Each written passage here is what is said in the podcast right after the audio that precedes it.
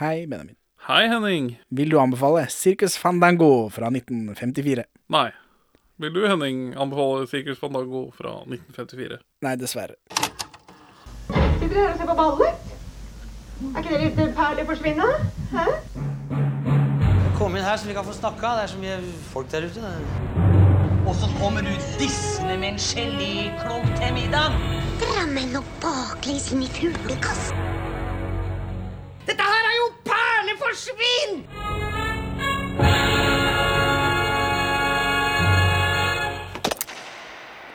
Velkommen til Perleforsvinn, podkasten for eh, folk, fe, kristne hedninger, gule og svarte.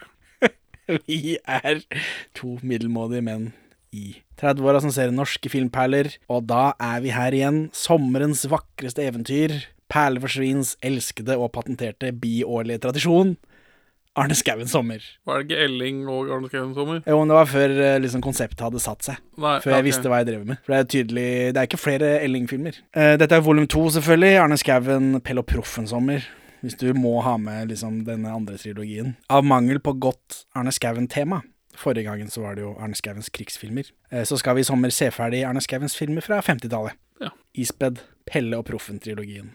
Hvis alt går etter planen. Det er jo vanskelig i dette. Og det, er fordi du har en hangup på Arne Skauen, Arne Skauen, Arne Skauts Bryggeris som Norges første filmautør, eller hva? Jeg vet ikke, du kaller det hang-up. Jeg vil se alle norske filmer. Og Arne Skouen står høyt i kurs blant Fordi, masse folk. Fordi han heter Arne og starter på A. ja, ja, det er først i telefonkatalogen. Det er først i, i filmkatalogen. Ja, nei, det syns jo vi som uh, filmpodcastere bør jo se alle Arne Skauens filmer. Ja. Sier ikke det seg selv? Men hvorfor som liksom sommertradisjon? Fordi Arne Skouen Ellingsommer var en morsom greie, og så, og så Fordi det var så dumt. Altså, nå skal vi bare Nå skal vi gjennomføre. Ja. Dette, dette Annethvert år skal vi ha Arne Skouen-sommer. Hvor mange Arne Skouen-filmer er det vi har igjen da? Sånn sommer... Ja, nei, det blir nok eh, Jeg skal nok få pina det ut eh, Ja, i år, da, altså tre ganger til. Han har jo gjort litt TV også, og så må vi også bevege oss opp på Nasjonalbiblioteket etter hvert. Skal vi få med oss alt. Ja. Men uansett, da. Vi så Arne Skauens første film, 'Gategutter', fra 1949, før jeg hadde funnet opp Arne Skauen sommer. Det er jo en feil av meg, selvfølgelig, å ikke vente med Arne Skauen. Det er episode 42. Og så for et par år siden da, så åpnet vi Arne Skauen Ellingsommer med hans andre film, 'Nødlanding' fra 1952. Eh, Det er episode 76. Og i dag så har vi sett Arne Skauens tredje film, 'Circus Fandango' fra 1954. Og så har vi en biografi om Arne Skauens liv og levner i episode 82, 'Kalde. Og så snakker vi om Toralf Maurstads liv og levner og faren hans i episode 67, Fant del 1. Jeg kommer til å si Toralf fordi det er det det står, men han sier selv Toralf. Ja. Så det beklager jeg. Han er jo død, og min bestevenn. Så, Det er minne. ja. så det får jeg bare beklage. Mine damer etter å ha foretatt dette for det menneskelige øye så utrolig eksperiment, vil jeg som mitt neste presentere meg for min ærede publikk som uh, lommetyvenes konge. Til dette inviterer jeg hvem som helst blant publikum som måtte komme her inn og som ville bli bestjålet for sitt gods og gull, som øl og rust med tær som skrevet står. Sigurd Fandango, teatergruppen Visvas, blir nominert til Spellemannspris for beste barneplate i 1989 med en plate som heter Circus Fandango, basert på en forestilling de har reist rundt med, som ikke har noe med denne filmen å gjøre. De vinner ikke. Nei. 1953, året 1953, da kan Indre Smålendene melde at Joakim Holst Jensen gleder seg til å spille klovn i en film hvor Arne Arnardo skal spille en større rolle. Innspillingen begynner i mars, og Arne Skouen har skygget sirkuset i sommer, står det. Altså, sitat, i sommer, altså i 1952. Arne Skouen gir ut boka med navnet Circus Fandango, en filmfortelling, i 1953, for han er jo også forfatter, som jo dekker, og avismann, og oppfinneren av terningkast i, i filmanmeldelser, som han hatet. Vi har jo gått bort ifra terningkastgreiene. Det er jo dårligere norske filmpodcaster som bruker terningkast. Vi har en binærkode NRK får kritikk for å drive innføre terningkast akkurat nå, så i vi er, bøker, ja. så vi er jo veldig uh, leading edge. Lommetyvenes konge søker fremdeles et offer til sin fantastiske fingerferdighet. Eh, Denne filmen, da, med Arne Skauens eh, Circus Fandango fra 1934, deltar i hovedkonkurransen i Cannes. Eh, Det er stor ståhei nå, når da verdens verste menneske gjorde det, men det var litt vanligere før. Jeg har noen greier om det senere i Arne Skauens sommer i år. Dette er en, denne filmen er en tidligere adapter av tilfeldig danske-svenske i norsk film. Ja. For den kvinnelige hovedrollen her er jo danske. Iselin Larsen. Og ifølge en artikkel i Berlingske Tidene i forbindelse med hennes 80-årsdag, så var hun dansk films største barnestjerne i, i 40-åra, altså i 1940-årene. Og som 25-åring i 1958 så blir hun lei, og så slutter hun som skuespiller for å fokusere på mann og barn. Ikke verst. Du jobber òg litt som resepsjonist eh, på et hotell, så jeg. Det stemmer. Rett etterpå så tok hun jobb i en hotellresepsjon for å kunne bruke språkkunnskapene sine med folk som ikke visste hvem hun var. altså folk som ikke umiddelbart kjente henne igjen som barnestjerne. Så, og nå bor hun i Frankrike, og det har hun gjort i typ eh, 40 år. Hun har jobba som skolelærer og med eksport av danske varer. Men klart hun er jo oppe i 80-åra, da. Men fortsatt i live. Så er det sirkusdirektøren her. Kjenner du han? Nei. Nei, jeg har ikke hørt om Sirkus Arnardo. Jo. For dette er jo Arne Arnardo. Det er Arnardoen sjøl. Sjø- Sjølveste Arnardo. Nå er vi dem er jo på tredje generasjon nå, og alle heter sånn Arne og Arild og sånt noe. Are. Men, eh, men dette er jo Arne, da. Han er fra Sarpsborg. Å ja. Eh, Og så er det, ja ja, det er sirkus og sånn, men han dukker opp med navnet Arnardo i tiden før han starter sirkus også. Nå kommer det veldig mye sånn ting fra avisene, for jeg leter etter noe spesifikt. Og det tar veldig lang tid for meg å finne det. Og på veien så finner jeg så mye annet skrot. Relaterbart. ja. I 1929 så er han med på flere sånne arbeiderungdomslag, hvor han leser egne dikt, prologer, generelt underholder muntlig, virker det som. Og året etter så blir han beskrevet som slangemenneske og tannatlet. Hei. Hva er en tannatlet, Benjamin? Det er noe de hadde i gamle dager. Det er en fyr som holder tunge ting i tenna. Ja. Jaggu. Arnardo har en barneassistent som han holder i tennene. altså, han har et eller annet i tenna, regner jeg med, som denne barnet holder i, og så løfter han det barnet med tenna. Og så er han tryllekunstner i tillegg, da. I 1931 så trekkes han frem som en del av Sirkus Empress, som blant annet driver med hester og klovner og alt som hører sirkus til. Og her virker det som om han jobber som slangemenneske, og avisa Nidaros beskriver han som trønder, så det spørs om ikke han har liksom lagt om da, for å innynde seg med avisene, for det føles som noe han kunne gjort. Eller med det lokale publikummet. Han legger om til trøndersk, for han er jo fra Sarpsborg. I 1932 så virker han å drive mer på egen hånd. Han opptrer hver kveld klokken ni på Martins kafé i et par måneder. Eh, og så er det mer turnering blant forskjellige lag, for han er òg aktiv i arbeiderbevegelsen. Og så er han tilbake på Sirkus Empress igjen i mai, så jeg kan ikke se noe om sirkusbevegelser på 30-tallet, så kan hende de dro fra Norge, mens Arnardo heller vil ta strøjobber her og der, og så kom han når de kom tilbake, så heiv han seg på det. Sånn holder han på. Han tar forskjellige arrangementer, hekter seg på ymse trupper, tilfeldige tryllekunstnere, han turnerer rundt omkring i Norge. Han virker også å fortsatt være aktiv i arbeiderbevegelsen. Han blir valgt til varamann i Revy, Kabaret og Artistforbundet i 1939, blant annet. I tidlig 1940 så kjører han en annonsekampanje i Østfold, hvor han sier at han er innkalt til nøytralitetsvakt der, og siden han er i området, så opptrer han på ymse forsamlingshus. Og i et nummer så kjører han bil, for, uh, bil med bind for øynene. så, uh, og så har han en liten pause fra april 1941, nei, 1940. Jeg vet ikke helt hvorfor. Ja, da, da, jeg vet ikke sirkustid mens Norge er i aktiv krig, er liksom Han er nøytralitetsvakt, så jeg vet ikke, han, han er opptatt sikkert da, med å bevare den nøytraliteten. Men i juni da, så opptrer han for krigsfanger. Så er, er Arne Arnardo på en av de fortene litt lenger ute i Oslofjorden som skyter varselskudd mot Blücher? Jeg tipper han lyver, ja, og så er han tilfeldigvis bare Østfold. Ja. At han må ha eller, Han har jo eh, sans for å overdrive, da, virker det som. Showman. Showman, ja. Eh, Showman. Eh, han opptrer for krigsfanger i juni ja, 1940, eh, og sånn holder han på gjennom krigen også. Som tryllekunstner, trapesartist, mentalist og hypnotisør nå, da. Og noen ganger til inntekt for krigsherjede strøk i Troms, ser jeg. Han hypnotiserer dyr. Han får en hvit hane til å røyke. Jeg vet ikke hva etikken er i det. Hver mann sin hobby, osv. I 1942 så får han sønnen Arild. Dette annonserer han med en notis i Aftenposten om at nå var den lille artisten kommet. Ja, det er press fra start. I 48 så har han 20-årsjubileumsforestillinger, og han drar med seg dattera lille Wenche Arnardo på tre år, ser jeg. Så det er liksom det er en sirkusfamilie, dette. I 1949 så er han med på å stifte et sånt arbeiderlag i Sarpsborg, eh, og så får han sitt eget sirkus, Sirkus Arnardo. Så det er ikke før 1949 han gjør dette. Så han er fem år inn da som sirkusdirektør når filmen kommer. Han er jo en skrytegubbe, som visse folk vil kjenne fra filmbransjen. Eh, Men han hevder han skal revolusjonere sirkusbransjen i Norge med sitt nye seksmasterstelt. Han skryter på seg dyr som apekatter og hester. Han ansetter 60 mann, sier han, Men siden han er en arbeiderpartifyr den gangen det faktisk hadde noe med arbeidsliv å gjøre, så sier han at han skal ansette én mann mer per tiende mann, så alle skal få hver tiende dag fri. For sirkus er jo sesongarbeid, så de jobber jo mye når det først er sesong. Ja. Så dette er jo noe. Han spiller jo ikke så arbeidersympatisk i filmen, Nei, nødvendigvis. nei nettopp. Men jeg føler kanskje at det blir dratt inn der, da. Og så har Arne Skouen laget historie av det, og det er litt sånn dårlig historie bare. Ja, han var en snill sjef. Kanskje. Ja. Men så blir det også borte i filmen, da, men det kommer vi til når vi kommer til det. ja. Tidlig i 1950 så går han på to møter med en amerikansk hans, håndspåleggende vekkelsespastor ved navnet Freeman, som er på besøk i Norge. Det virker som dette er i regi av Dagbladet, og i etterkant så sier Arnardo, fritt fortalt av meg, da, at Frimann driver sirkus med syke mennesker som klovner, og at suggesjon i Guds navn ikke er bedre enn suggesjon i hans eget navn. Det, det, det jeg, jeg samtykker. Ja, det, for dette er jo sånn ah, Fuck, hva heter han der uh, skjegge-Randy?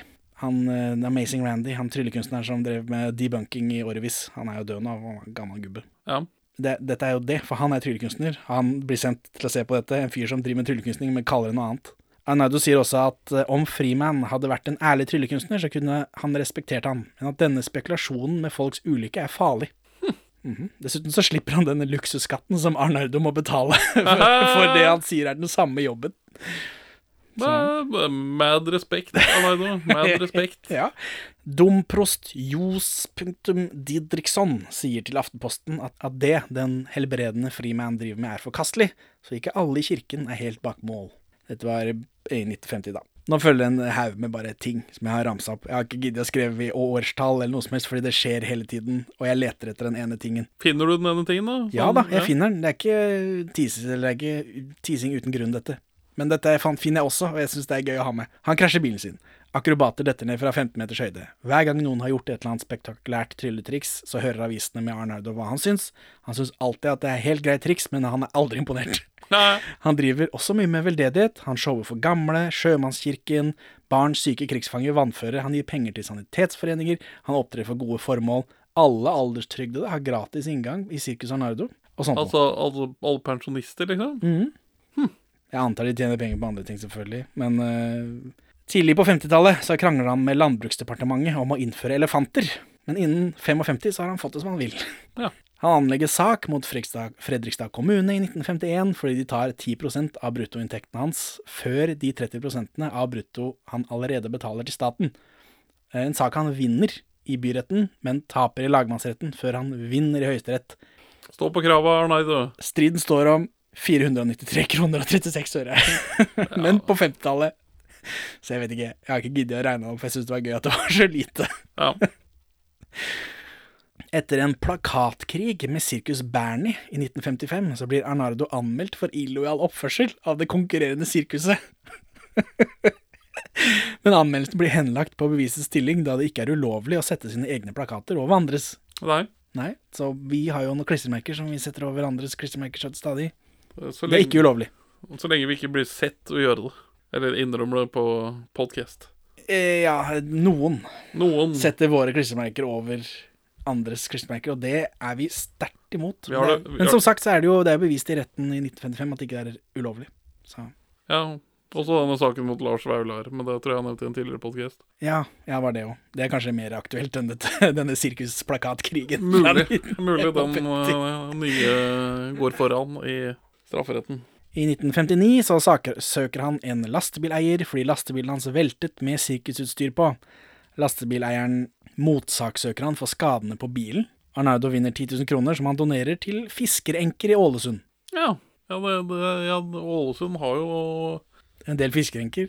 Ja, jeg tror det er eh, Ja, det er, det er vel et par sånne episoder hvor veldig mange fiskere går ned i ett jafs i en og samme storm.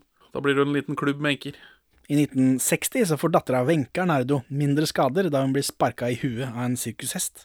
Som, er- som jeg synes Mindre skader. Som jeg synes høres veldig voldsomt ut. Å bli sparka i panna, står det. Klenk. Oi. Men uh, mindre skader. Uh, han vinner en sak hvor ni østerrikske sirkusarbeidere mener, de skylder, mener han skylder de penger. Han krasjer bilen sin igjen i 1961. I 62 så er det et par balanseartister som detter fra høy uh, line. I mai 62 så rømmer to elefanter, da et tog kjører over en togovergang mens elefantene går under. For Ja. de skal flyttes fra et sted til et annet, tydeligvis.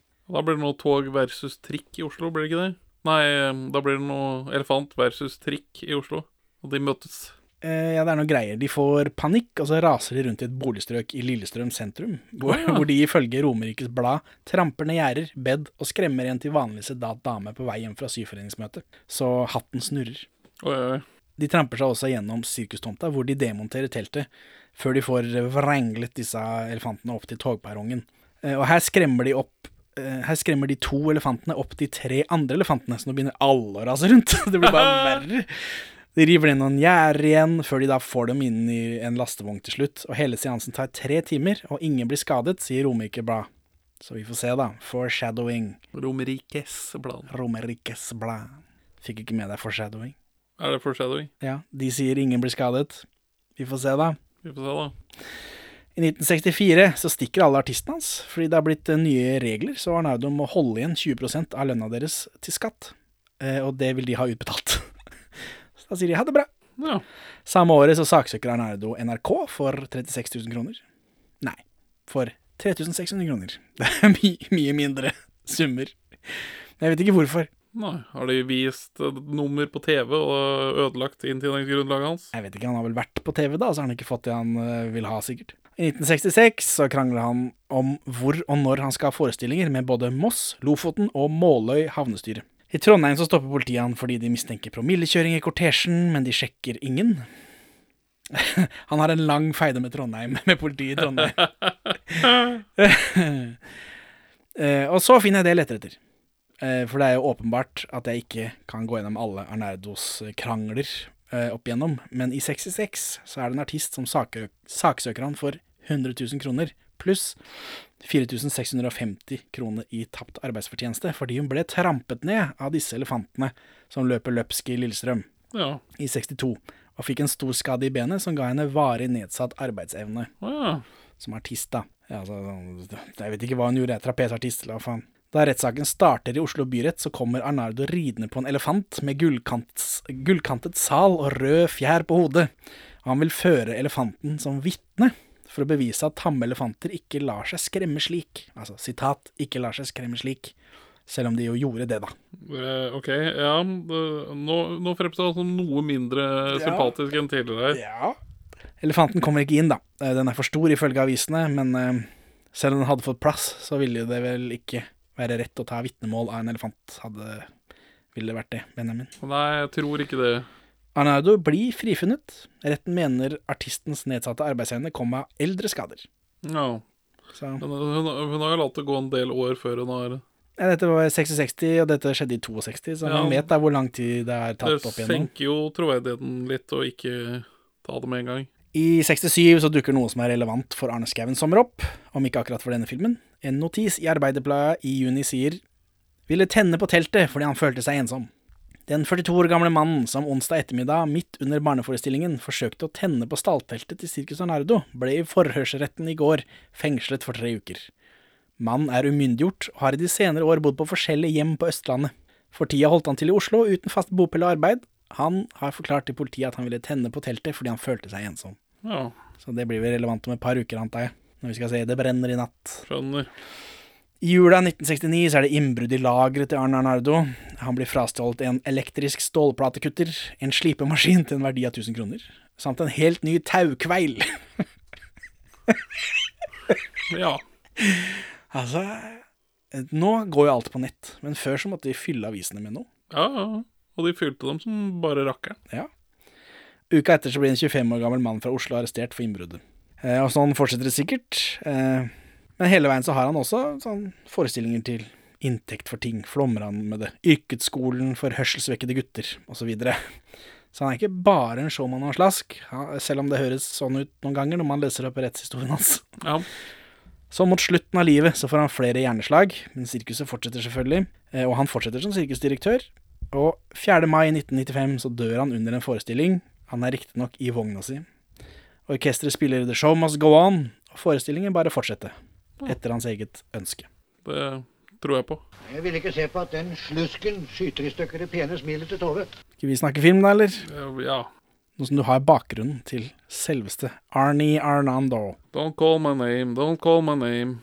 Fandango. Det åpner rett i sirkusforestillingsmontasje over main titles. Det er hester, akrobater, mer hester med akrobater, mer akrobater, lasso, mer hest, mer lettkledd akrobat. Dette er gjennomgående. Det Ja. er mye montasjer, det er mye Det virker som sirkus er akrobater og hest. Selv om vi ser en elefant i bakgrunnen i en shot, men eh, vi ser ikke den gjøre noe. Nei. eh, jeg- vil bare starte med en generell kritikk av eh, Arne Skouen og denne filmen. Ja.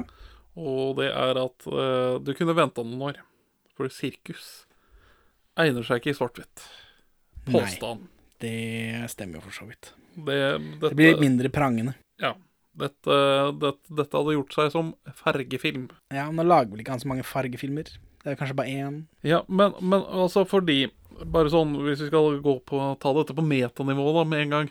Hva handler den filmen her om? Det er det Det er jo en sånn kjærlighetshistorie, men den er Den mister på en måte grepet. Jeg trodde den skulle være Trodde den skulle handle mer om arbeiderforhold enn det gategutter gjorde. Ja, men, men, Men, for det, det begynner med det, og så blir det bare borte. Nei, det blir jo ikke bare borte. Det, det, det, Du er, sjufla bort, da.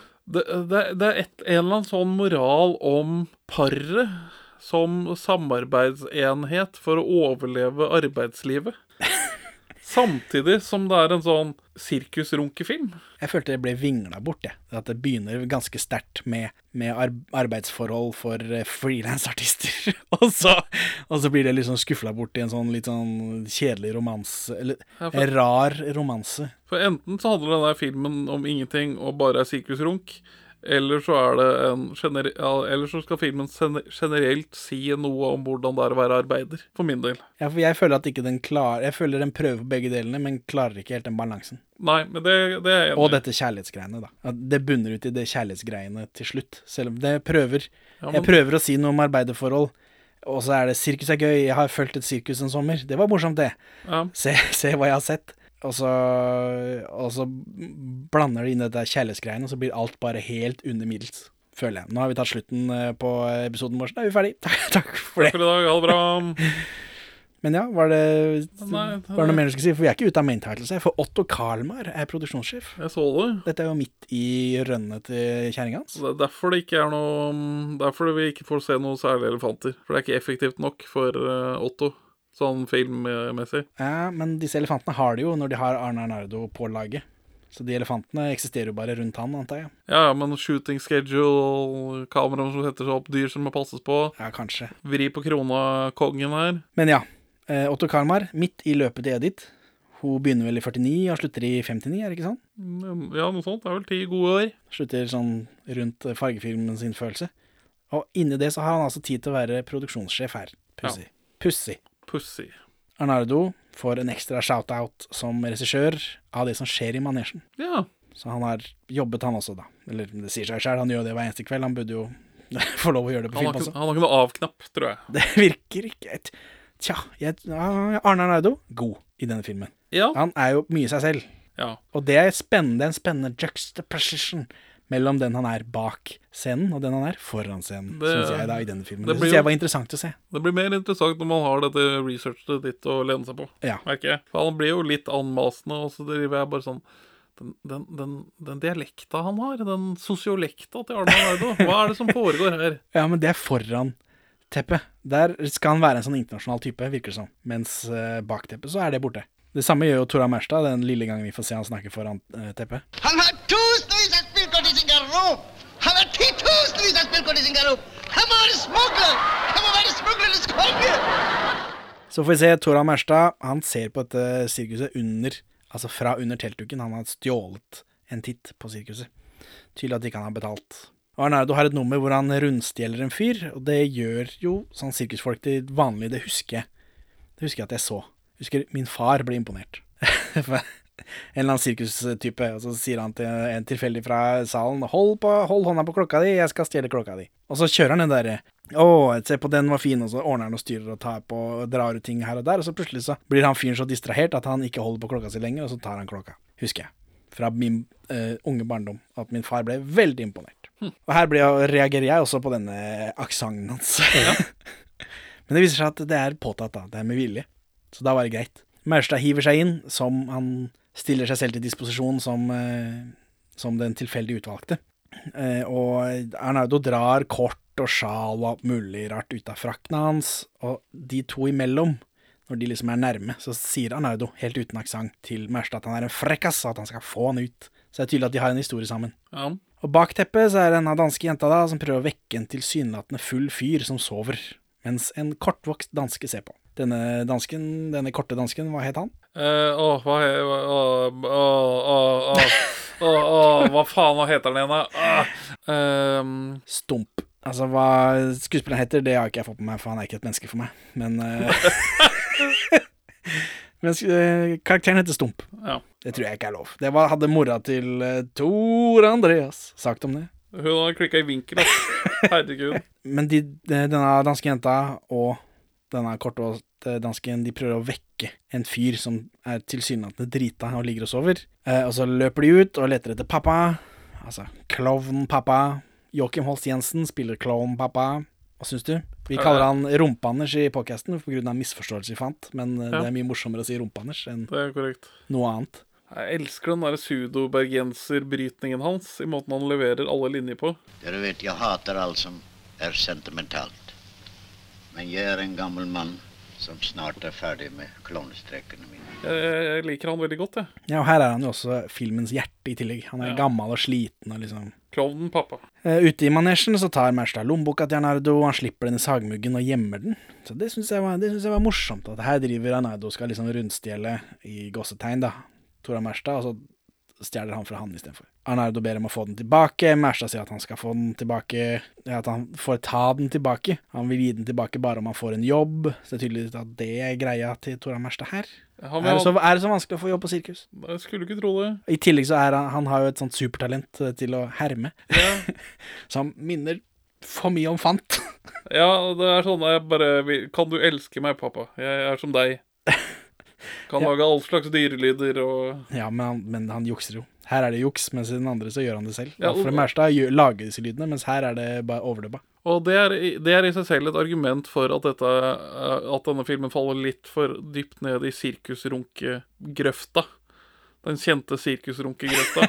Veldig kjent. Eh, Fordi altså Denne klipping i lyd må jo ha vært helt mind-blowing å se på kino i 1954. Altså Det er en sånn det er sånn du drar Når du kommer på skolen etter å ha sett den her, så forteller du bare sånn Torald Maurstad, han kan bare lage hvilken som helst lyd med kjeften. Du, du, har, du har ikke noe begrep Politiskolen kommer ikke før mange år etterpå. Nei, ikke sant? Og så klippe i bånd. Altså, dette er fysisk klipping av lyd, liksom. Dette, dette har ingen et forhold til, eller har tenkt noe som helst på. Nei, kanskje. Så dette, dette, dette er gimmick. Ja. Som gimmick. Lydklipping som gimmick. Og så voldtar han ingen etter disse lydene, og det Som litt. vi vet. Som vi vet. Hvor samtykkekompetent hun dansken er etter å bli skutt i huet, vet jeg ikke. Nei, det er det.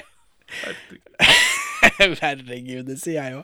Men denne klovnen pappa, han virker som en fagforeningsleder, uten at jeg tror de har fagforening i sirkuset. Men han er visst den eneste som Arnardo liksom respekterer, da.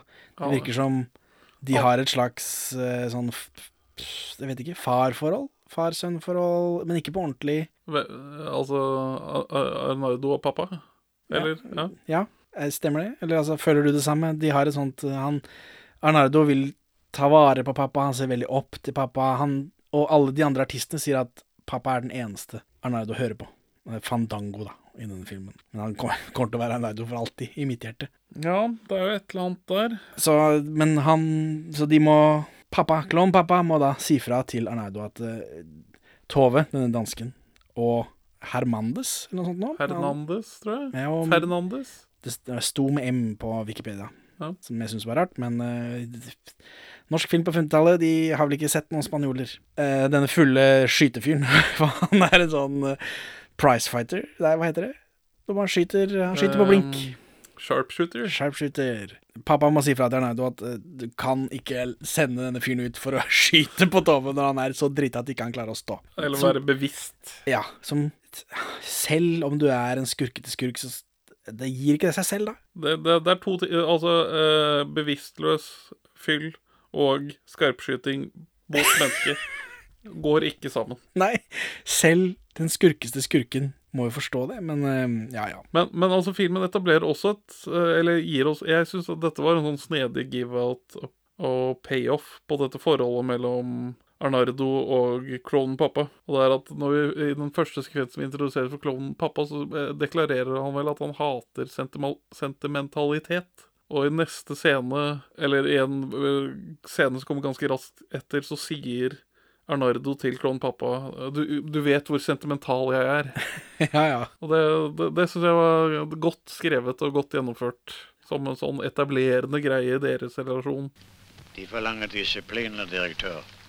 Men jeg forlanger respekt for mine kollegers sikkerhet. Og jeg forlanger respekt for klovnen pappa. Men Jesus, pappa. Du vet jo hvor glad jeg er i deg. Og hvor sentimental jeg er. Jeg skal jo skaffe dere mat og klær. Du må jo hjelpe meg også. For om to minutter må jeg ha et menneske i manesjen til Hernandez. Uh, mens dette skjer, så skal Tora Merstad snike seg ut under stolene, og der sitter hun dansken og gjemmer seg. Og han sniker seg mot henne, Uh, og så bonder de over at han pantomimer at de røyker. Og det, er liksom, det, er noe, det er noe sånn meet-cute. Jeg opplever uh, jeg, jeg skulle ønske jeg, jeg hadde litt mer motivasjon på din gode venn Toralf. Ja, hvorfor vil han så veldig gjerne jobbe på sirkus? Hvorfor får han ikke sirkusjobben? Altså, hvis allerede- hvorfor får han ikke hvis du- Hvorfor har han holdt på så lenge uten å få det? Hvis- Hvorfor har han ikke vist fram talentet sitt før? Ja, hvis filmen etablerer De har hatt et møte tidligere. Hva gjorde Toralf på det møtet? Jeg vet ikke. Jeg vil ha jobb. Ja, hva kan du, da? Nei, det er hemmelig. Kanskje. Det får du ikke vite før jeg har fått jobben. Mm, nei vel. Master negotiator. Så er klovnen pappa i manesjen sammen med denne korte dansken, for de har tydeligvis en sånn der two-hander. Og i det svart-hvitt så har klovnen pappa en sånn penisnese. Ja, for det er notert. Nesa til pappa, det liker jeg ikke. Det ser ut som en penis. Det, det, det er ikke å komme unna. Nei. Det kan hende at det er noen andre farger som gjør at det blir mindre penisaktig. Eller at den har et kjempelilla ollon, hva vet vel jeg. Nei, det, Men, Men det ser eh, ikke bra ut, Det, det er en penis. det er det. Og bak scenen så sitter Arnardo med en høne på skulderen og røyker sigar og teller penger, og nå snakker han normalt, da. Eller, eller mener du hanen Carl Nordbeck? Carl Nordbeck har jeg gjort litt research på. Oh. Men vi kan ta det når vi snakker mer om Carl Nordbeck senere. Tom Tellefsen kommer inn. Uh, han har mistet Toral syne, Toral av syne, og så videre. Tom Tellefsen fra Gategutter. Og, uh, han er med i nødlanding òg, er han ikke det? Uh, det? Og han har også rota bort denne danskejenta, da. Tove. Arnardo eh, er rasende. Han drar ut til de ansatte, og så sparker han inn døra rett inn der hvor disse damene skifter. Bu, ikke lov. Men altså, Arne Skouen er glad i å vise mus. Ja, vi har vel sånn halvveis etablerte. Pupp kan jeg være med på. Du er skråsikker på dusk i nødlanding, mens jeg, jeg vil forholde meg tilbaketrukken på det. Det er dusk. Det er Ja, jeg- udiskuterbart. Jeg sier ikke imot deg, jeg bare vil ikke være med å bekrefte det. Dusk jeg, jeg bare lar deg stå for den. Ja. For du har sett dusk før, er det sånn? Ja. ja, Så du vet åssen det ser ut. Eh, Duskebevandret. Eh, Men han raser rett ut der hvor disse damene skifter. Det er ikke lov. Veldig trompete. Han finner den fulle gubben til slutt, og så kaster han en bøtte vann på han. Og Arnardo insisterer på at noen må ut i manesjen med denne fylliken Hermandes. Og de, det syns ikke de ansatte er noen god idé. Nei. Og så vekker han en gammel dame i, altså, i den der billettboksen som de har lagt ned, for hun sover inni der, da. Men uh, dette, det er, dette er en dame du kjenner, selvfølgelig. Ja. Turi Haaland, mora i Gategutter, Gråtekone, Karius. Ja. Mang en rolle. Kjenner igjen stemmen, ja. Kjenner igjen stemmen, Det husker jeg reagerte på når vi så filmen. ja. Hun er ikke imponert og syns ikke det er noen god idé å bli vekka, for det første. Syns ikke det er noen god idé å sende noen ut for å bli skutt i huet av Hermandes som er full, heller. Eh, De andre truer med å legge ned arbeidet. Arnardo klikker, og pappa forlanger respekt for sine kollegers sikkerhet. For dette her dette Jeg kjente at jøss, nammen. Er, er det dette, denne sirkusfilmen der? Samhold må til. Ja, her er det jo noe, noe jeg ikke har sett før, som var det jeg håpa på. Eh, Arnardo trygler om alle de tingene han gir sine ansatte, da. Eh, Tak over hodet og liksom fast arbeid og sånt noe. Og dette er interessant, men før det blir for spennende, så kommer Tora Mærstad inn fra hjørnet og tar jobben. Og, eh, altså, og blir skutt i hodet-jobben. Ja. Eh, med en rar monolog som han gir som om det er en hardkokt noir. eh, Men han er i en sirkusfilm tilsynelatende om arbeidsforhold, har jeg skrevet. Eh, Det blir jo borte til slutt, da. Jeg er ikke enig i at det blir helt borte til slutt. Altså. passe. Men Det den biten her hvor Arnardo liksom er en slags skurk. Jeg kan gala. Jeg kan kakle, jodle, vrinske. Men alt dette har jeg sagt dere før, herr direktør. Jeg kan gjø om gjeve, og jeg kan herme helt sensasjonelt. Men uh, han snakker om at han kan kakle og herme helt sensasjonelt, gjø om mjaue. Jeg tenkte, hva er dette for noe? Hvorfor? Og hvorfor er det skyggelagt og lagt fram så mye noir? Skjønner ikke. Det er vel callback til, det, til de mørke assosiasjonene den norske filmtitter får til en Maurstad som kan lage alle disse lydene. Kanskje. Så Maurstad i manesjen. Han får ymse ting skutt av hodet. Eh, Det er en del bombing også, men ikke, ikke den veien at han får skudd i huet. Og han ser litt nervøs ut, eh, Toralv Maurstad. Og etter forestillingen så leter Toralv i sagflisen etter lommeboka, og da kommer Tove for å takke han for at han tok denne jobben, da. Og Tove er visst et slangemenneske, Ja, men som ikke vi får se. Nei. Så da turner Toralv Maurstad litt. Pappa finner lommeboka i bakgrunnen, for han roter rundt da som en sånn sirkusånd. Ja. som som uh, sirkusånd som vokter over de unges uh, vordende kjærlighet, eller noe sånt noe. Ja. Jeg vet da faen, jeg. Tove og Tora snakker om at hun ikke trenger å risikere livet hver kveld, at de begge er helt alene, kanskje de kan dra fra dette. Tora er jo uh, foreldreløs, tydeligvis, da. Og så kommer pappa, han bryter inn som en gammel raring. Mener det er superkos at de har et godt øye til hverandre. Det er veldig godt at dere eh, ser med på hverandre enn å lete etter lommeboka. Eller Ja. hvordan han prater. ja, noe sånt. Og så får vi se sirkusfølget som kjører av gårde, med folk hvilende på taket. Det virker ikke som det er HMS. Det fant ikke nå. Liten eh, metapause. Arne Skouen, poeng for at uh, det finnes et bildespråk. Filmen har et bildespråk. Ja, Bilder er komponert. det stemmer. Kamera står på stativ med vilje og sånt. Det, det er pene bilder. Og, det, og, det, og disse bildene av sirkus på flyttefot, det er noe. Det er noe. Og så spilles de over hverandre i montasje hele tida. Det er Litt så mye- mange montasjer her. Litt mye montasjer. Igjen, sirkusrunkegrøfta. Men det er, det er i hvert fall ikke vondt å se på. Nei, nei, nei. De finner et passende sted, da, så heiser de teltet i montasje. Ja, dette er jo filmet av Arne Skouen, men det er noe sånn dokumentarisk over dette. Ja. Pappa skriver på et mystisk brev. Tove forstyrrer. Pappa forteller Tove at det er en artisthemmelighet som han har skrevet ned. En artisthemmelighet er noe veldig viktig som må deles av to, men pappa er blitt så gammel, og han fant aldri noen å dele det med. Det er jo veldig shade på Stump, da, som han tydeligvis jobber sammen med. ja det, men altså, han teller vel ikke som menneske for han heller. Hva er det. Artistene må være trofaste og stole på partneren sin mer enn ektefolk gjør. Og det er tydelig at pappa vil sette opp Tove og Toralv Merstad. Eh, han heter Jannik, forresten, Toralv Merstad. Tror du han kan dele pappas hemmelighet med deg og være trofast? Trofast. Trofast. Ja, for, forrige scene med Tror det er forrige scene med uh, klovnen pappa, hvor han avslutter med å si 'trofast'. Og så istedenfor at Altså Han snakker om forhold og det, det, dele artisthemmelighet, mann og kone-greiene. Og så avslutter han scenen med å si 'trofast'. Og så skal man liksom legge det på en sånn ekko, sånn fade-out. Men isteden så er det bare han som sier 'trofast', 'trofast'. Trofast. Han legger på sitt eget ekko, som da blir veldig rart når filmen snart skal flekke opp de drøyeste lydklippeffektene jeg har sett på norsk film. De følte vel at uh, rumpa hans var effekt nok i seg selv, og det er han jo. Trond Erstad sniker seg inn i direktørvogna, hvor Arnardo og Turi Haaland, som spiller en sånn tidligere slangemenneske som er blitt for gammel, Carmen, eh, og hun er nå blitt billettselger. De snakker om Hermandes. Eh, Arnardo skal holde han unna alkohol, mens Carmen stadig sier at de kan ikke få Tove drept midt i manesjen, og det er jeg enig i. At det tar seg dårlig ut for sirkus. Men i denne researchen da, så viser det seg at det, det sirkus og, og sånn PR-kriser og sånt noe, det er de ikke så nøye på. Nei. Virker- virker on. All publicity is good publicity. Tydeligvis. Og eh, her, denne høna da, er jo også der.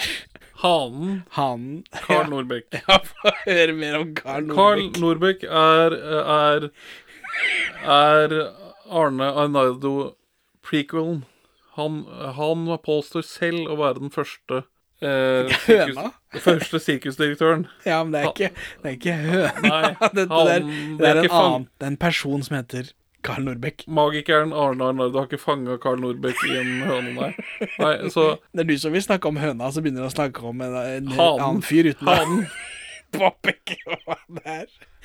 Norbekk var en fyr født i Ullensaker som utvandret til Amerika, hvor han gjorde masse rare strøjobber og ble til en sånn strongman-type. Han er en svær muskelbunt og helsefreak. Han gir blant annet en bok om hvordan bli like biff som han, liksom tidlig 1900-tall. Men han starter et sirkus som han, han blir kjent som den første sirkusdirektøren. Men det er ikke riktig. Norges første sirkus, i hvert fall ifølge aviskildene, er mellom 1964 og Nei, er mellom 1864 og, og 1870.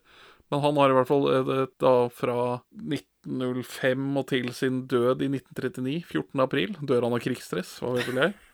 Men i hvert fall Carl Norbeck er en sånn Arne Arnardo-type før Arne Arnardo. Ja, OK. Så det er derfor det er gøy at han har en hane som heter Carl Norbeck Ja, ok. Jeg synes du sa at du hadde gjort research på høna, så tenkte jeg nå gleder jeg meg til hva den har gjort Wow. tidligere Wow. i livet. Hvor, hvorfor det har stått om den i avisa. Ah, mm, Ja, men uh, Torald imiterer denne hanen da, til Arnardo, som også er på kjøkkenet. Altså, Toralv sniker seg inn på kjøkkenet, hvor denne hanen sitter i vasken, og så imiterer han den. Kykeliky, da, og liksom klukk-klukk, og så videre. Eh, noe Arnardo, som sitter da på andre sida av denne De har jo ikke dører i den vogna, det er bare sånn forkle. Eh, han eh, hører dette, og så roper inn til høna, og så roper Toralv tilbake i Arnardos stemme. Og så er det mye greier De spiller jo bare den lyden over veldig uoverbevisende. Uoverbevisende. En, en og annen gang så høres det ut som det er eh, Toralv Maurstad sin egen imitasjon. Mens andre ganger så er det opptak av originalstemmen. Jeg hørte bare De aller opptak. fleste er det opptak av originalstemmen. Jeg hørte bare opptak. Arnardo blir redd for at det spøker, og ekko, og bla, bla, bla. Masse dritt. Toralv imiterer Carmen. Arnardo tror det er ekko. Og så kommer Toralv inn, da. Dette varer altfor lenge. Altfor lenge. Alt for men, men, men mind-blowing i 1954. Ja, da, det tenkte ikke jeg på, men det gir mening selvfølgelig at dette er jo helt fantastiske effekter den gangen. Eh, De studerer innsiden av munnen til Torald Mørstad. Arnardo blir helt over seg. De henter inn masse folk som Toralv må imitere. Samme kveld så er Torald nervøs mens Arnardo introduserer han, men han gjør stor interé allikevel. Masse dyrelyder videre. Eh, ja ja, det gir ikke meg så mye. Jeg syns det er gøy. Jeg syns disse introduksjonene til Arnardo er morsomme. Ja, han har jo, han har jo karisma. Ja, som han man jo også ofte savner i norsk film. Ja. Hva sier han da? Kom i morges med flymasken direkte fra store triumfer i Paris, i Genéve, i Wien. Og jeg som ikke har vært lenger enn til Fiskum. Og så er det mer montasje. Sirkuset drar rundt, folk ler og koser seg. Hest, klovn, akrobat. Tora Maurstad. Montasje. Hermandes virker å holde ut. Og så er det en tilfeldig dag, så prøver Torav å gro bart uten hell, men Hermandes er drita. Eh, Torav har jo lovet da å holde Hernandez unna spriten. Er det Toralv som har lovet det? Eh, ja, i hvert fall i dag. Ja. Toralv lover at han har passet på han i hele dag, altså Hermandes. Bortsett fra det ene kvarteret hvor han var borte for å gjøre noe greier. For nå driver han driver og pynter seg. Det er tydelig at uh, Toralv Merstad er mer opptatt av seg selv enn å passe på Hermandes. Mannen med de tusen stemmer, eller Ja, noe sånt. Han garanterer Tove, for Tove må jo ut da, rett etter Toralv. Så han garanterer da at han har passa på han. For- det er viktig at Tove går ut for Toralv Maurstads performance, tydeligvis. At liksom dette, Det er hubris, er det det? Hva heter det? eh, hovmod. Ja, noe sånt. Hovmod står for eh, fall, sier man. Det sier man. Eh, pappa står og skuler på de. Jeg får eh, håpe at hun ikke blir blæsta i huet, har jeg skrevet. Jeg bare, jeg, jeg, for, for meg så sitter jeg og tenker på Skal hele filmen bygge opp til at hun får huet sitt blåst av? Jeg, tenkte, skal hele filmen være fallouten av at hun får huset blåst av? Men nei, det bare skjer. For i manesj Hermando sliter. Eh, Tove er i en spennende bikini, forresten. Sikkert vært inngangsbilletten bare det, sier jeg. Og så overlever hun første runde. Og så fyrer hun opp en sigg som han skal skyte, så da må hun stå i profil. Og da blir hun visst blæsta i huet. Vi får ikke se det sånn godt. Vi ser henne falle seine om. Eh, Det er ikke stort man får se i 1954. Eh, Arnardo er på saken, han hiver seg ut og, og bare Show must go on. Ja. Du får skyfla bort hun der eh, kjerringa som ligger der og blør ut. Men Tora prøver å holde han igjen før han går ut, men Arnardo forklarer da sirkus kayfabe for han, eller for oss, da, som ser på Kan du forklare K-fabe for oss? Det Åssen skal jeg forklare det? Det er den indre virkeligheten. Det er et wrestling-uttrykk. Fra amerikansk freebooting wrestling. Det er den indre virkeligheten de må forholde seg til som om det er ekte, på en måte. Det er ikke De er ikke fiender, disse wrestlerne, men de må hele tiden late som de er det. Ja, Det avtalte spillet. Ja, dem imellom. At de må hele tiden late som det ikke er avtalt. Eh, han forklarer da at liksom, eh, Toralv er nestemann ut. Han skal smile, han skal gjøre en god jobb, han skal få de til å glemme at uh, den dame akkurat ble skutt i huet, og det er liksom greia. Dette her, det syns jeg det var noe. Uh, men når det er Toral sin tur, da, så, så klarer han ikke dette, så han stikker. Bu, er kayfabe er Det kan man altså ikke bryte. Sånn som The Undertaker, han er ikke faktisk død, selv om alle i, i WWE behandler han som om han er det. no. Men det er kayfabe. På sykehuset så har kula gått gjennom neseryggen hennes til Tove. Det, er jo også problematisk for ansiktet, vil jeg si.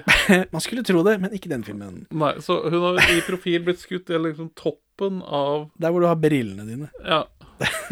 Flaks for henne at hun ikke har briller, si. Ja, Eller de hadde jo, de hadde jo sittet, sittet, mye bedre. de hadde sittet ekstra godt ja, om du mangler den biten her. Får bare sånn skikkelig så søkk. Ja, for nå er det jo litt grann med sånn sykehus og sånt nå, men etter dette, så er eneste gangen det kommer opp, er vel når uh, Tora Merstad sier til henne at de ikke må grine eller sånt, for da syns arret. ja, eller jeg husker ikke, jeg har skrevet det ned akkurat hva det er. Men, men det det er, dette er ikke en sak. Dette kommer, det skjer, og så er det forbi. Eh, det var kjemperart. Men i hvert fall, da. Tora Merstad er jo der, for han løper ut. Og pappa er der. Pappa er der. Arnardo kommer. Han vil ha med seg Torald tilbake. Eh, han kan være siste nummer, men Tora blir forskrekka og forbanna, og da stikker Arnardo. Så dette, igjen, da. Jeg trodde det var noe sånn arbeidergreier. Eh, senere så driver Torald og lusker rundt på teltplassen. Han krabber inn i teltet til pappa som sover. Fade til morgen. En fade, Benjamin. En fade? Ja. Eller en wipe? Nei, det er en fade. Ja, for det kommer vel en det, kan, det har jeg ikke notert, men, eh, men det, det er en fade. Det, det er et eh, artistisk valg. Eh, Pappa finner Toralf sovende i teltet, og han blir overrasket, da, for han har jo våkna der alene. Eller han gikk og la seg alene og våkner med andre folk i teltet. Eh, Og Toralf løper ut, og han skifter, så vi får se han i baris. Så det er verdt inngangsbilletten, bare det, spør du meg. Eh, Og så løper han av gårde for å gå på sykehus med blomster, men han blir stoppet av en sykesøster. Ingen får komme på besøk, men han bestikker denne sykesøstera med en rose, så han får titte inn for å se på dette monsteret som ligger der, sikkert. Og tilbake i teltet så er Torald toppløs igjen. Han roter med rosene, som han desperat prøver å holde liv i, eh, til han får lov å komme inn til jo, Tove. Og så følger en rosemontasje, hvor Torald stresser med seg blomstene, mens pappa hele tiden kommer med gode råd. Og til slutt så er det knapt blomster igjen, men nå skal de på besøk. Og Torald lurer på da om Tove vil bli partneren hans i manesjen. Mannen med de tusen stemmene er død, sier han. De får finne på noe annet. Hvorfor det? Jeg vet ikke.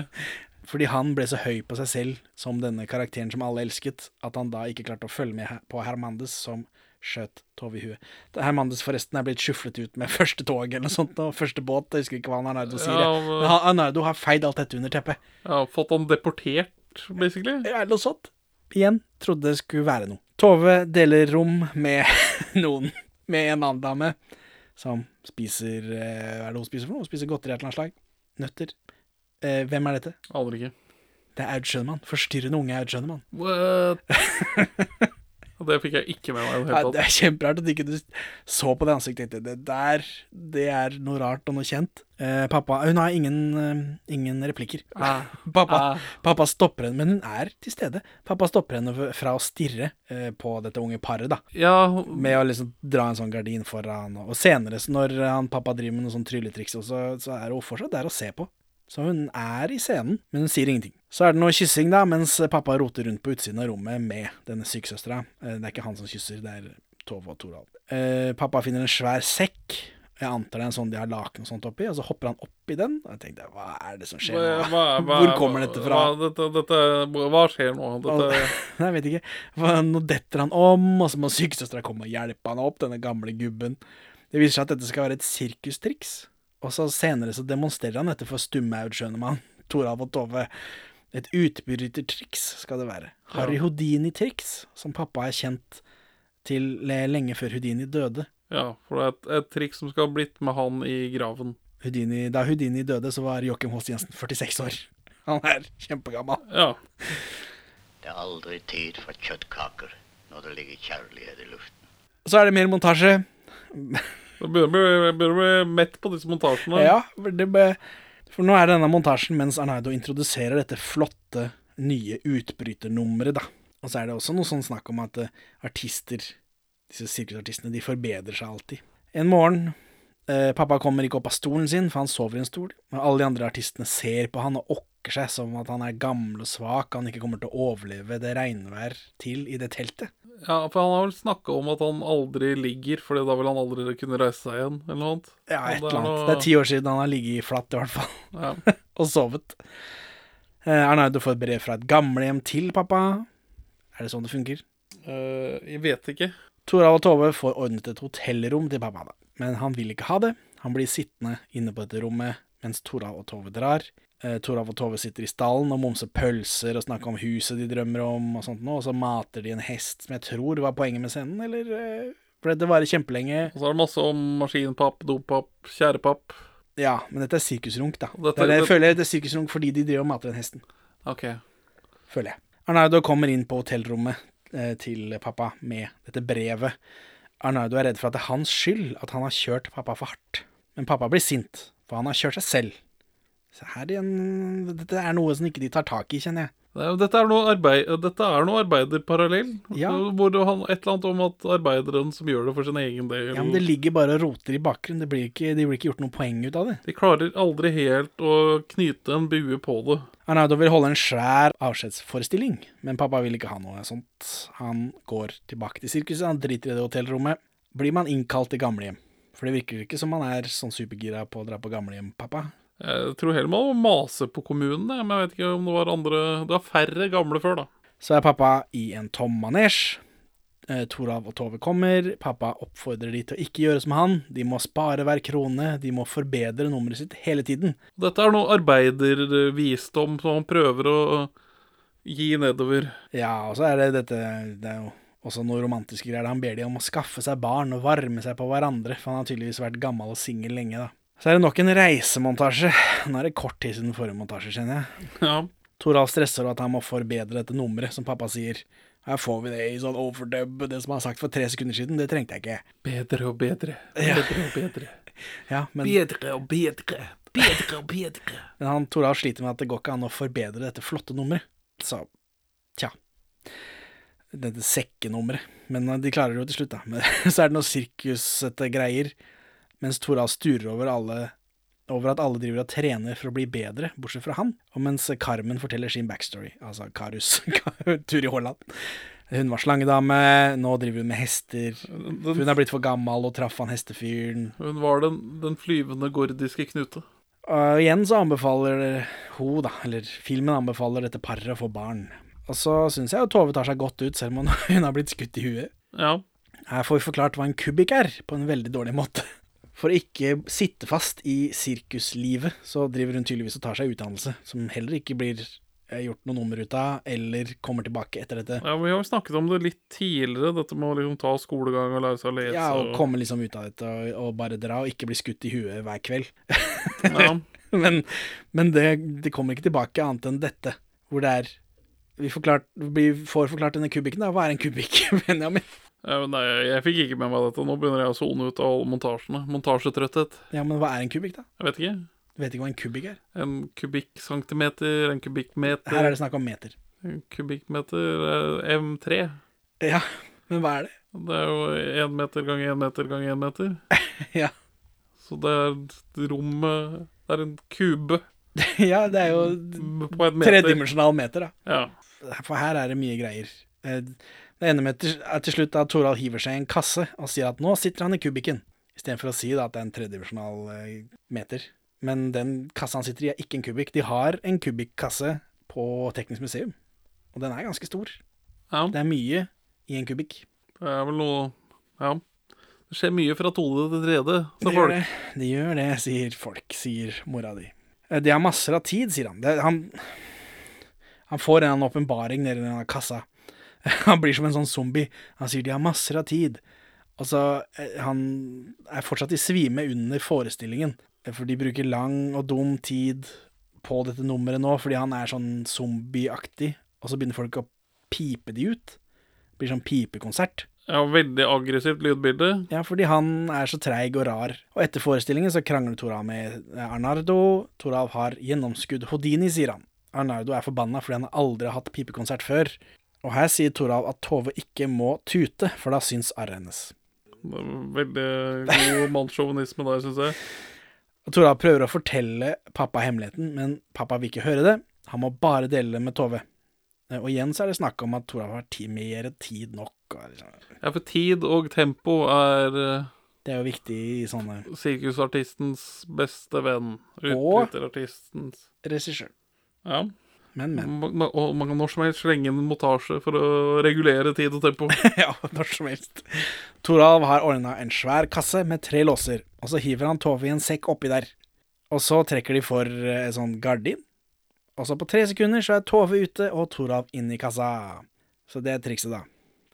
Og dette blir jo presentert for oss på en magisk Eller altså, for publikum så er dette magisk, men vi får se at de gjør noe ikke magisk, men det funker jo ikke på ordentlig. Nei, så det, sånn. det er Men- jo magi likevel, liksom. Men, men det blir presentert for oss som det er arbeid, ikke magi. Men vi får jo vi, Men vi, vi får Vi får ikke forklart hvordan det funker. Nei. Det er ikke prestige, Og det ville jo ikke, og det ville jo ikke Nei, dette er ikke det prestige. detter gjennom gulvet i en bøtte med vann. Eh, For det, det, det går jo ikke sånn de har vist det til oss. Og de, og de men- gjør et poeng ut av at kassen blir liksom eksternt bygget. Ja, ja. Og det, det vil jo i hvert fall ikke gå.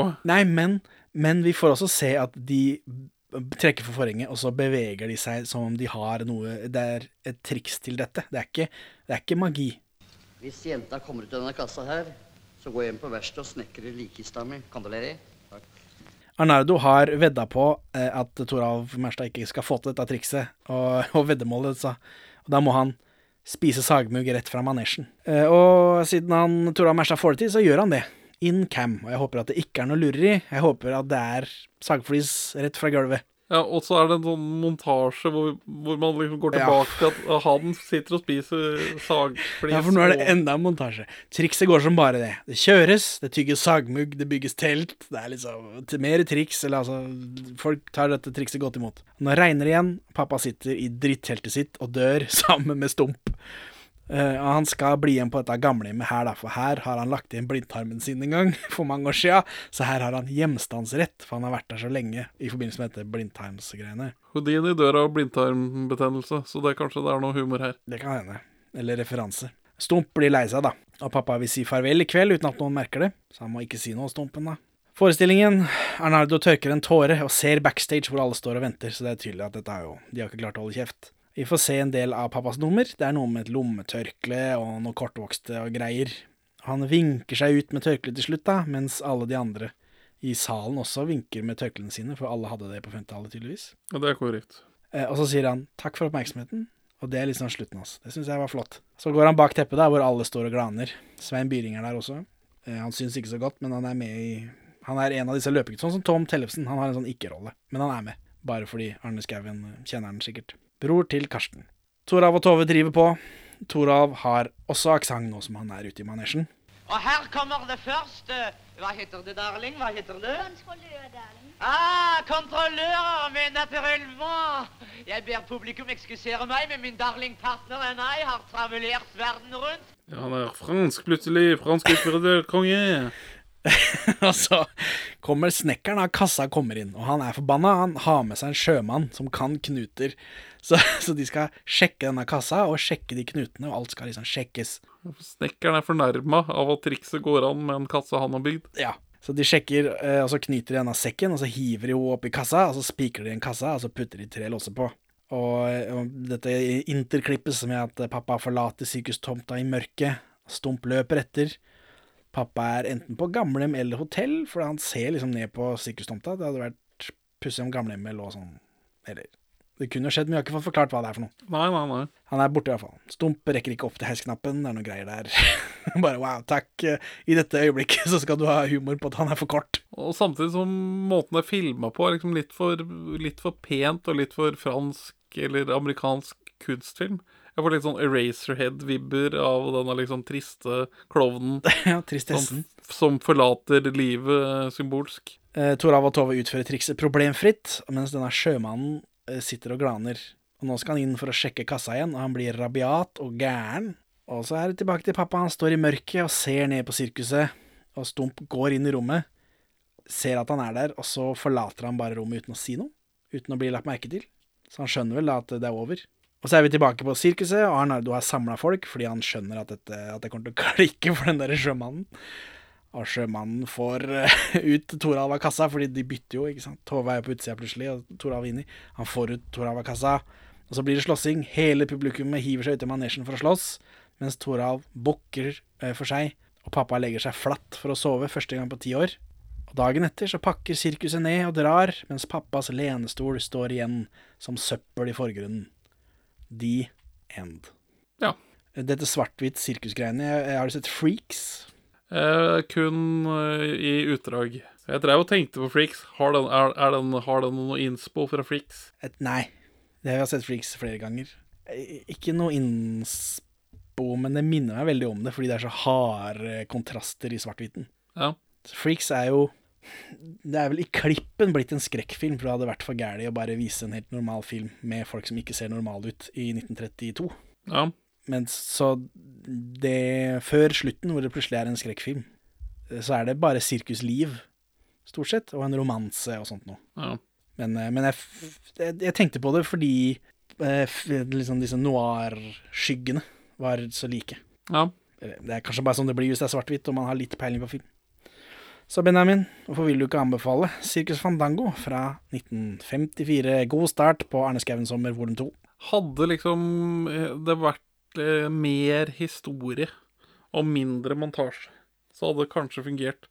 Men det blir denne rare balansegangen mellom sirkusrunkgrøfta og å prøve å si noe diffust om hvordan det er å være arbeider. Det er, det er et eller annet som ikke helt bærer handlingen. Jeg faller liksom litt ut etter hvert. Men samtidig så er den veldig pen, og det er, det er noe interessant i den her, men det er ikke nok til at jeg kan anbefale noen å se den. Så Henning, hvorfor vil ikke du anbefale denne filmen? Eh, enig. Den faller liksom mellom alle stoler som den prøver seg på.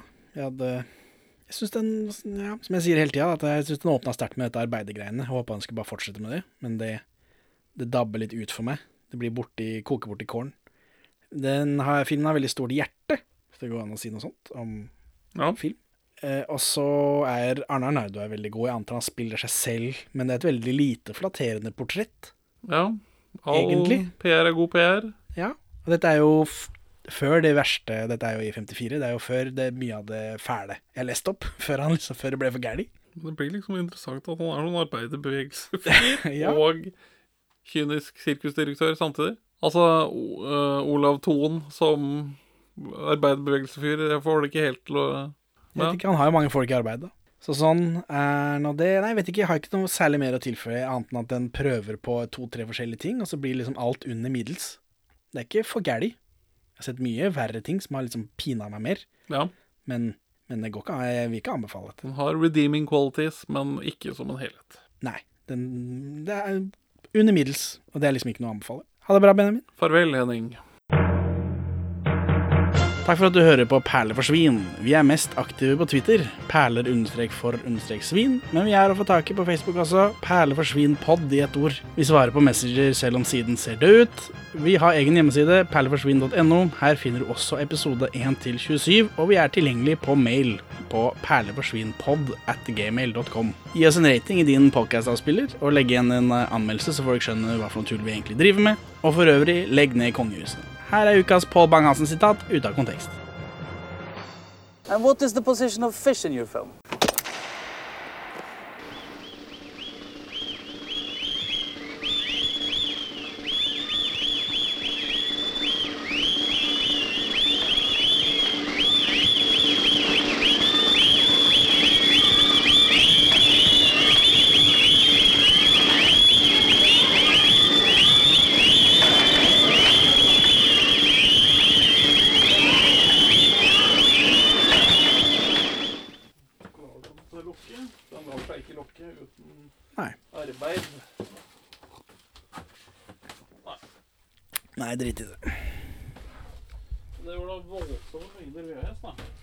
Ja, for det var noe jeg fikk gratis i sted, og det ser ut som det bare er vanlige ting, Indiana Jones og sånt noe, men jeg tenkte kanskje det er noe reklame på de. Ja, Det kunne være gøy. Det er gøy. Det er gøy. Håper jeg, da. Bare jeg får liksom rigga opp så jeg får sett noe VHS, og barna flytta ut og alt det greiene der. Øverst så er det takstein. Så kommer det tjærepapp. Så kommer det visst maskinpapp under der. Så kommer det planker. Så kommer loftsgulvet. Først med planker. Så med tjærepapp. Så med maskinpapp. Så kommer det planker igjen. Så kommer det tjærepapp, så kommer det maskinpapp, så kommer det strie, og så kommer det maskinpapp. Alt for at du skal ha det godt tvert over huet ditt. Nei, nei, hva er maskinpapp etter plankene? Ja, altså, maskinpapp, tjærepapp, planker og maskinpapp. Dompapp. Nei, maskinpapp. I Arne Skauens ånd, for å hedre Arne Skouen hver biårlige sommer, så har vi heller ikke terningkast. Biårlig. Ja, biårlig. Det er annethvert år. Er det annethvert år? Ja, det, er jo, det er jo to år siden vi hadde Arne Jesus sommer. Og så var det masse Olsmann-dritt, så vi hadde ikke tid. Ja, sånn Så nå, er det, nå blir det hvert år. Eller altså annethvert år, da. Ja. Yes. Da har jeg et par år til å forberede det neste.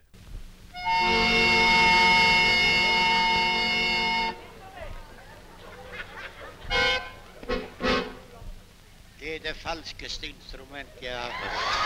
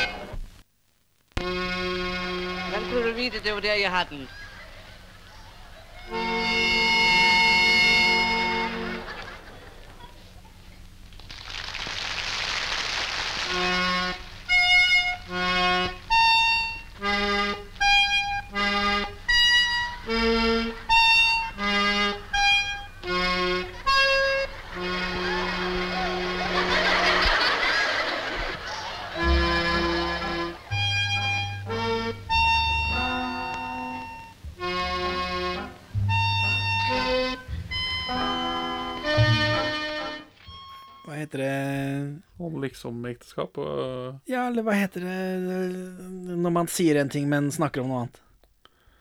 Uh, For han vier de som manesjpartnere, men det er jo vier de som kjærlighets... Det er jo en kjærlighetshistorie, dette. Det er jo ikke, de er jo ikke egentlig arbeidskolleger, det er jo ikke det de driver med. Hva heter det, da? Jeg vet ikke. Hva er det du prater om? Det er jo et sånt Proforma ekteskap. Nei, ikke ekteskapet, men det er jo Det er jo et virkemiddel man har i, i litteratur. Herregud. Eh, analogi eh, Ja, vi nærmer oss. eh, cynic douche. Whatever. Eh, parallell. Nei, men han, Eh, han metafor. Metafor! Metafor. Der satt den! Herregud. Ja ja, jeg får sette det i halen. Herregud.